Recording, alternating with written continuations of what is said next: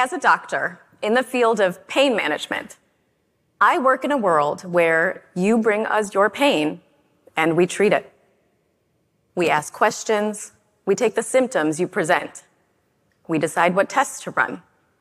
We listen with compassion and wisdom and choose the best course of action based on our knowledge and experience combined with science, and sometimes in a very small window of time. As physicians, we took a sacred oath to do no harm, and the system has gone to great lengths to teach us and set up guidelines to make sure that we treat every patient equally and without judgment. As we stand there in your moment of pain, we run your situation through every filter we have to give you the best care. And for most of us, this is more than just a job. It's a calling. But as we stand there in your moment, looking at your story from all the different angles and all the different rational voices in our head run through the decision making process, there's another voice in the mix. And this voice, while it isn't rational or informed, yet it often dictates our decisions. And we don't give it a second thought because you see, this voice existed long before we began studying medicine and so we accept it as truth. And this voice sometimes calls the shots. It's what I refer to as the undiagnosed bias, and it's causing suffering and death for many with chronic pain. I have spent the last 15 years studying pain, its cause, its treatment, and its management. But it wasn't until I found myself sitting on the other side of the exam room that I noticed the crack in the foundation of pain management. When I discovered that hidden voice that exists in all of us. That hidden voice, which I termed the undiagnosed bias, is more commonly known as implicit bias, which is a bias that exists based on our unconscious beliefs and associations. Implicit bias in healthcare was brought to light in 2003 when the Institute of Medicine published a report titled Unequal Treatment. They found that regardless of insurance and income status, racial and ethnic minorities received worse care. And when it comes to pain, research shows that bias extends beyond minorities to also include women and even children. Dr. Susan Moore was a black female physician whose story was heard around the world in 2020 the story of a doctor who struggled to receive the care she knew she needed. Her pain was due to a health issue that she fully understood and described in medical lingo to her doctors, yet her pain was dismissed. When she posted her experience to a group of thousands of fellow physicians, there was an uproar of support. I mean, no one could accept that a doctor would treat a patient, let alone a fellow colleague like this, simply based on how they look. But that's the problem with implicit bias.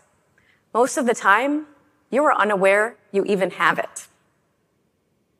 I remember the year I went from doctor to patient. It started off as a small pain in my foot that just wouldn't go away. Well, it grew worse to the point that it overshadowed my life. It was this constant companion, affecting my work and my family life. I finally went to go see a foot surgeon and was told, source not clear, probably tendons were inflamed, he said. And he prescribed a boot and some physical therapy. But the pain worsened and it spread to my hip and my back. I sought out more medical specialists, even holistic practitioners, all with different theories, but no clear diagnosis or source of pain. I began to feel like I was going to have to live with this forever. And as the pain kept progressing with no clear diagnosis, I even thought to myself, wait, am I making this up? Is my pain even real? In an online survey of 2,400 American women with a variety of chronic pain conditions, 91% felt that the healthcare system discriminated against them. And nearly half were told that the pain was all in their heads. So let's go ahead and dispel that pain myth right away. If you're worried that your pain is in your head, you're right. because pain is in everyone's heads. You see, pain can't take place without our brains. When you step on a nail, for example, you stimulate nociceptors or specialized nerve cells that send a message through your spinal cord to your brain. Well, your brain then decides what it's going to do with that signal. If it senses something dangerous, it will process that experience as painful to prevent you from further injury. And the decision by the brain to process it as painful is based on environmental and social cues, as well as by culture and one's past experiences. Now, contrary to popular belief, not all pain is related to tissue damage. Pain is actually defined as an unpleasant sensory and emotional experience that can be associated with actual or potential tissue damage you can have real pain with no physical injury or source. Pain is the one thing that can't be measured by a monitor or a lab test. It's hard to quantify or qualify. It's measured on a scale of zero to 10 that is based on one's own perception of what they're experiencing. Pain then is subjective. And as doctors, our process of treating pain begins with identifying its source, which presents a problem when there is no source. For when there's no source, it becomes open to interpretation. And interpretation becomes open to that undiagnosed bias. Did you know that the different sexes experience pain differently? Now, for the sake of this talk, when I say female versus male, I'm referencing sex assigned at birth. And when I say woman versus man or non-binary, then gender identity is at the core of the point. Females have more nerve fibers than men, and there's a hormonal influence to a variety of chronic pain conditions. At puberty, rates of chronic pain rise faster in girls than boys. And as females approach menopause, sex differences in chronic pain begin to disappear. Females experience more recurrent pain, longer lasting pain, and higher overall levels of chronic pain than men. Yet, the majority of studies on the treatment of chronic pain have only been conducted in men. Did you know that women are more likely than men to be given anti anxiety medications instead of painkillers when they present to the emergency department complaining of severe abdominal pain? Even for extremely urgent conditions, such as chest pain from a heart attack, women experience delays in life saving interventions that can prevent death. Research shows that clinicians more often suggest psychosocial causes, such as stress or family problems, to women patients in pain when they would more often order lab tests for a male patient with the exact same symptoms.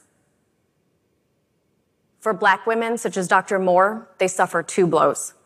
The insulting notion that they are overdramatic due to their gender, along with the erroneous view that because their skin is black, they are impervious to pain. A 2016 study of a group of medical students found that nearly half believed black people have thicker skin than white people, less sensitive nerve endings, or that their blood clots more quickly. The origin of these outrageous claims dates back to slavery and the 19th century experiments by Dr. Thomas Hamilton, who tortured black slaves to prove that black skin was deeper than white skin. And Dr. James Sims, a gynecologist, conducted experimental surgeries on enslaved black women without anesthesia, contributing further to false beliefs that black women experience less pain. There were times that I found it ironic that as an anesthesiologist whose livelihood is centered around managing pain, that I would suffer from chronic pain myself. And so, like Dr. Moore, I became my own advocate and dove deep into the root causes of my own pain. After five years, thousands of dollars, and many hours spent in pain, I finally found the cause by diving into integrative and functional medicine. Now, my pain was due to physical imbalances triggered by childbirth, years of stress and sleep deprivation, and a dietary sensitivity that had been triggering inflammation. Over time, I healed myself, and finally, the pain began to ease. But while my own pain did fade, my passion for other people with chronic pain grew stronger. Now, doctors aren't the enemy. If you ask physicians why they went into medicine, you would hear to help people. So much so that during disasters and global pandemics, healthcare workers kiss their own families goodbye to go take care of yours. They work tirelessly during codes to resuscitate your loved ones and shed tears when they lose them. But with exhaustion, time pressures, and overcrowded emergency rooms, comes the ability for that hidden voice to take over our rational one. Now, the healthcare system has been teaching bias training, and studies show little to no explicit bias in healthcare, which is great. But we continue to see implicit bias in a percentage of healthcare practitioners. Because it operates in an unintentional and unconscious manner, implicit bias begins outside the walls of the hospital and is brought in unknowingly. And it's not just doctors. Bias exists in all of us. We can all do better. How? Well, the first step is awareness. We need to begin by identifying our stereotypes and then rewrite the stories of the people we meet. When a woman sits down next to us, ask ourselves, what would we say if this were a man? Would our answer change? And for those whose pain has been dismissed, fight to be heard. Finding the right doctor can feel a little bit like dating. You may need to swipe through a few to find the right one for you. But don't give up and don't delay seeking treatment. The sooner you are properly diagnosed, the greater chance you have of breaking your pain cycle. As physicians, we took an oath at our white coat ceremonies to first do no harm. And most of us live by that sacred oath. But part of that vow needs to include staying in check with that inner voice to make sure that we aren't writing a story that our patients haven't told us yet. Because it is our duty as physicians to replace the undiagnosed bias with empathy. And to all of you out there who are suffering with chronic pain, we hear you and we're ready to listen. Thank you.